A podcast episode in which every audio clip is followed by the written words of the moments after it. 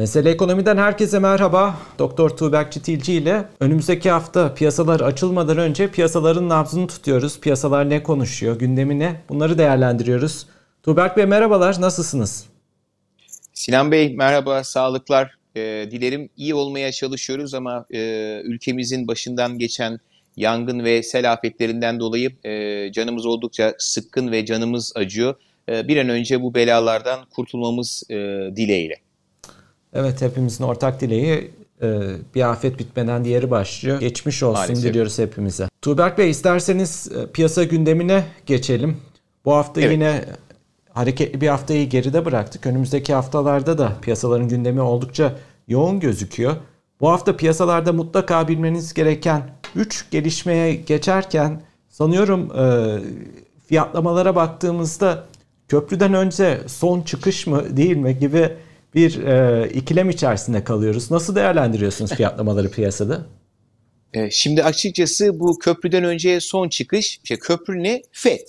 Şimdi FED'i biliyor muyuz? Varlık alımlarını azaltmaya ilişkin sinyali verdi. Faiz arttırımlarına ilişkin sinyali verdi mi? Verdi. Ben veri odaklıyım dedi mi? Dedi. Bütün bunları biliyoruz ama Amerikan borsa endekslerine bakıyoruz. Rekor üzerine rekor tazeliyor. Hem hisse senetleri tarafında hem dünyanın benchmark olarak aldığı S&P 500 endeksinde. İşte dünyada o kadar aşırı bir likidite var ki likidite şuna odaklanmış durumda. Getiri. Çünkü getiri sağlamazsanız o paranın sahipleri size hesap sorar. E şimdi bu getiriyi nasıl sağlayabilirsiniz? Amerikan hisse senetlerinde ve endekslerde sağlayabilirsiniz. Orada da benchmarkınız ne? Amerika'da yıllık %5.4 enflasyon var. Yıllık bu refah kaybını %5.4'ün üzerindeki enflasyon farkını aldıktan sonra hisse senetleri veyahut da endeksle getirmiş olacaksınız. İşte bu düzen FED'e rağmen devam ediyor. Evet köprüde şu anda ilerliyoruz. Son çıkışa doğru yaklaşıyoruz ama işte o son çıkışın zamanlaması işte bazı söylemlere göre sonbaharda mı olacak? 2022'nin ilk çeyreğinde mi olacak? Ama bir şekilde olacak. E şu anda da FED e, piyasayı sarsmak yani sert bir iniş yapmak istemediğinden dolayı şu anda güvercin tonlamasına devam ediyor. Her ne kadar üyelerde şahinlik devam etse bile de ama e, bu döngüyü kısa dönemde bozmayacağından dolayı önümüzdeki takvim gelecek hafta açıklanacak FED tutanakları ve ondan sonra 26-27'sinde yapılacak olan Jackson Hole toplantısı kilit. Piyasa buraya çok önem atfediyor. Powell çıkacak, varlık alımlarını bu toplantıda açıklayacağına ilişkin bir senaryoda bulunuyor. Ağustos bitene kadar da biz endekste, rallide veyahut da diğer varlıklarda, riskli varlıklarda ne kadar getiri sağlayabilirsek sağlayalım. Ondan sonra başımıza bir e, FED meteoru yağacak. Bu meteor yağmadan önce biz bu işin içinden çıkalım yaklaşımını şu anda piyasanın ana fiyatlama mottosu. Tuğberk Bey bu rally başlamadan önce veya Fed'in Jackson Hole toplantısında vereceği mesajlara geçmeden önce Piyasaların tartıştığı bir diğer konu da esasında uzunca bir süredir tartışıyor. Pandemi öncesinde bambaşka bir ortam vardı gerek Türkiye'de gerek dünyada gerekse evet. küresel piyasalarda. Burada enflasyon fiyatlamaları vardı, döviz kurları vardı ve pandeminin araya girmesiyle beraber pandeminin ilk günlerinden itibaren ne kadar uzun süreceği bilinmiyordu ve eski normale ne zaman döneriz, fabrika ayarlarına ne zaman döneriz gibi bir tartışma vardı. Bugün geldiğimiz noktada yeni varyantlar ortaya çıkıyor. Bir taraftan e, enflasyon fiyatlamaları yaşanıyor Amerika Birleşik Maalesef. Devletleri'nde. Diğer taraftan iklim değişikliğine bağlı olarak bütün dünyada çok olumsuz bir tablo ortaya çıkıyor. Ve size sormak istiyorum. Pandemi öncesindeki normale ya da fabrika ayarlarına dönebilecek miyiz? Ben de çok sert, olumsuz bir cevap vereceğim. Maalesef o fabrika ayarlarına dönemeyeceğiz. Çünkü Covid bu fabrika ayarlarını A'dan Z'ye değiştirdi ve artık bundan sonra normalleşiyoruz diyeceğiz ama o eski normalimize dönemeyeceğiz. Fabrika ayarlarına dönemeyeceğiz. Neden? Çünkü şu anda pandemi bize e, ekonomi tarafında ciddi bir arz şoku verdi. Özellikle tarım emtia e, tarafında üretim olmadı. E, nüfus artıyor. Nüfusun protein ihtiyacı var. Bütün bunlar birleşince işte bütün tarım emtiada yukarı yönlü şoklar yaşıyoruz. E, petrol fiyatlarında yukarı yönlü hareketler var. İklim değişiyor. Aslında bütün ana döngü e, sağlıkla alakalı olan bir e, afet mi diyelim artık? Afet şu anda küresel ısınma afetiyle devam ediyor. e, küresel ısınmada ortalama dünya sıcaklığı 1-1,5 derece yükselecek. Şimdi belki hani denilebilir ki sıcaklık 30 dereceden 31,5 dereceye çıksa veya 31,5 dereceye çıksa ne olacak diye ama e, dünyanın ısınmasındaki bir birim, bir buçuk birimlik derece yükselişi çok büyük kıyametlere neden olabilecek bir unsur. Ki biz bunun benzerini 2006-2008 döneminde o tarım çılgınlığı döneminde e, yaşamıştık. Şimdi bütün bunlar birleştiği zaman da bunlar bize arz yönlü şoklu enflasyonu besliyor olacak. Tamam FED diyor, herkes diyor bu bir geçici, ekonomi açılıyor diyor ama Amerika'ya bakıyoruz %5.4 yıllık bir enflasyon var. Hani bize göre bakınca belki çok e, sevecen bir enflasyon gibi geliyor ama adamlar için yıkıcı bir enflasyon ve orada şöyle bir unsur var. Özellikle e, benzin fiyatlarında yani galon fiyatı 2014'ten beri en yüksek seviyede 3.18 dolara çıkmış durumda. Yani galondan litreye vurduğunuz zaman da hani yaklaşık 80-85 sentlere geliyor. Yani o 1 dolar psikolojik seviyesine gidiyor ve hani Amerikalıların bazı hassas noktaları vardır. İşte et fiyatına dokunmayacaksın. Hisse senedi fiyatına dokunmayacaksın. Benzin fiyatına dokunmayacaksın. Çünkü adamlar her işi arabayla gidip yaptıklarından dolayı ve bunu hane halkında böyleyken işte FedEx, taşımacılık endeksi yani o büyük kamyonlarla lojistik ağını destekleyen firmalar için bu galon fiyatının artması ilave bir maliyet. Yani neresinden tutarsanız tutun yakıcı, yıkıcı enflasyonu hissetmeye devam edeceğiz. Bu Amerika başta olmak üzere dünyanın bütün ülkeleri biz de dahil olmak üzere üfe makasını daha doğrusu üfeyi de yukarı yönlü çekiyor olacak. Dolayısıyla e, kaçınılmaz bir enflasyona adapte olmamız gerekiyor ama maalesef pandemi öncesindeki fabrika ayarlarımıza net nette dönemeyeceğiz. Tuğberk Bey haftanın üçüncü gelişmesi olarak biraz geçen haftadan taşıdığımız bir konu esasında. Merkez Bankası'nın para politikası kurulu gerçekleşti. Faizler evet. beklenti, beklendiği üzere ki bu programda da siz de belirtmiştiniz %19'da sabit tutuldu. Bundan sonra önümüzdeki süreçte ne olacak bu tartışılıyor ancak bir gözümüzde dolar TL üzerinde. Bu evet. kur tarafındaki denge hangi noktada? Denge sağlanmış durumda mı? Siz nasıl değerlendiriyorsunuz? Şimdi Merkez Bankası pas geçti yıllık %19'a yapışmış yani politika faizine yapışmış bir enflasyon var. Ama e, piyasa net olarak şu mesajı verdi. Ben faiz artışından ziyade beklenmedik bir faiz indirimi yapma. Bu beni tedirgin ediyor. Yaparsan ki zaten bunu toplantı öncesindeki Borsa İstanbul ve kur tarafındaki fiyatlamalardan gördük. Ben negatif tarafa geçerim. Bunu yapmazsan Borsa İstanbul'da kur tarafına pozitif unsur olarak yansır. Şimdi kurda şöyle bir e, çıkmaz var e, açıkçası. Bize piyasacı gözüyle baktığımızda neyi istemiyoruz? Veyahut da e, vatandaşın gözüyle de baktığımızda döviz kuru yükselmesin. Döviz kuru nasıl yükselmesin? Merkez gelsin faiz arttırsın. Döviz kuru yükselmezse ne olacak? Maliyet enflasyonu daha yukarıya gitmeyecek. Enflasyon göreceli olarak kontrol altına alınacak. Şimdi bu masanın bir tarafı. Masanın öbür tarafına bakalım. İhracatçılar. Şimdi son dönemdeki aslında e, yakın zamandan beri hep Türkiye ekonomisi tartışılan e, bir e, rekabetçi kur tartışması e, vardı. Şimdi sanki hala bu doktrinin e, etkin olduğunu görüyoruz ve hani bunu da e, finans literatüründe şöyle hikayeler anlatılır. Goldilocks denilen hani üç ayı masalı tarzında bir unsur vardır. İşte orada e, lapa yiyorlar çok sıcak, çok soğuk, tam olması gereken sıcaklıkta diyor. İşte bizde de kurda bu Goldilocks nedir? Yani aşı, çok aşırı değersiz olmayacak, çok aşırı değerli olmayacak, tam olması gereken değerde olacak.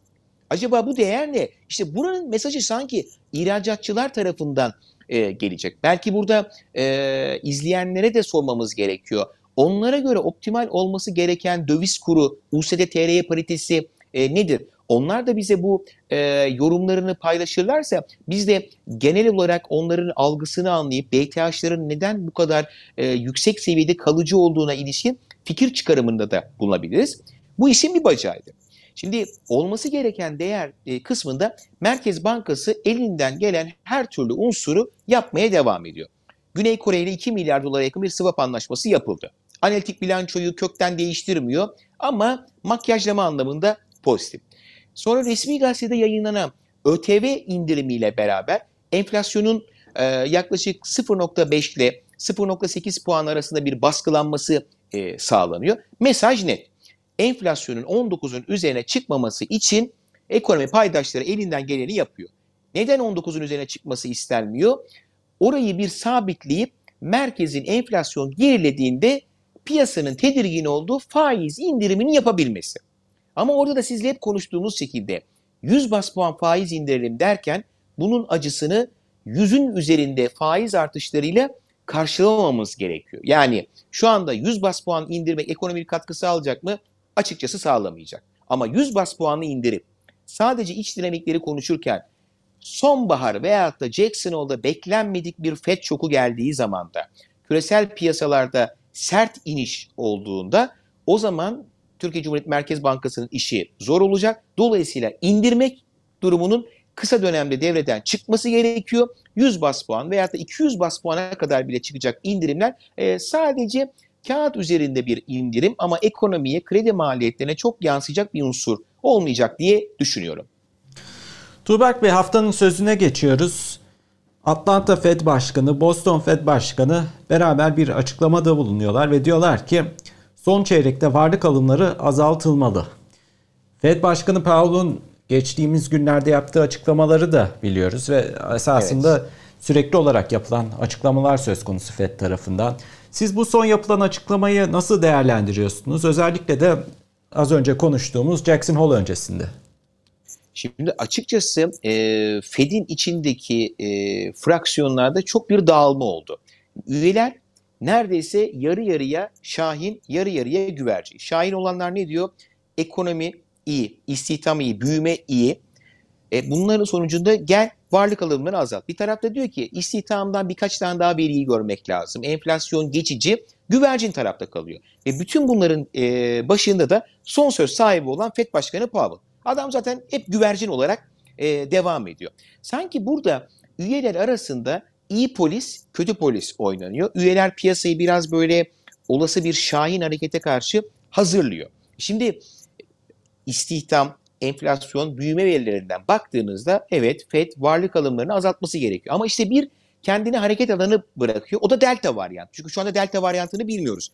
Avrupa tekrar belli noktada sert önlemler alıyor. İsrail aşı pasaportunu uyguluyor. E, e, haber akışı vardı. Almanya biz de dahil olmak üzere Amerika'yı bile tehlikeli ülke sınıfına aldı. Dolayısıyla Fed'in hareket etmemesindeki hiç kimsenin karşı gelemeyeceği müthiş bir silah var.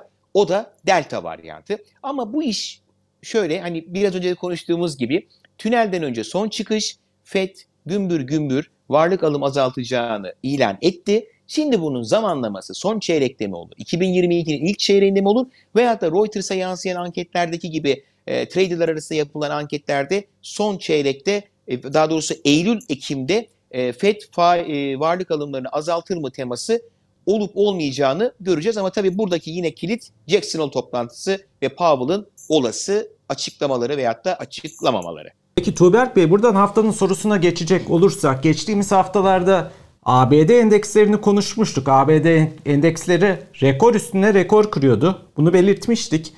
Bu haftaya dönüp geldiğimizde size sormak istediğim soru ABD endekslerinde rekor ne zaman bitecek?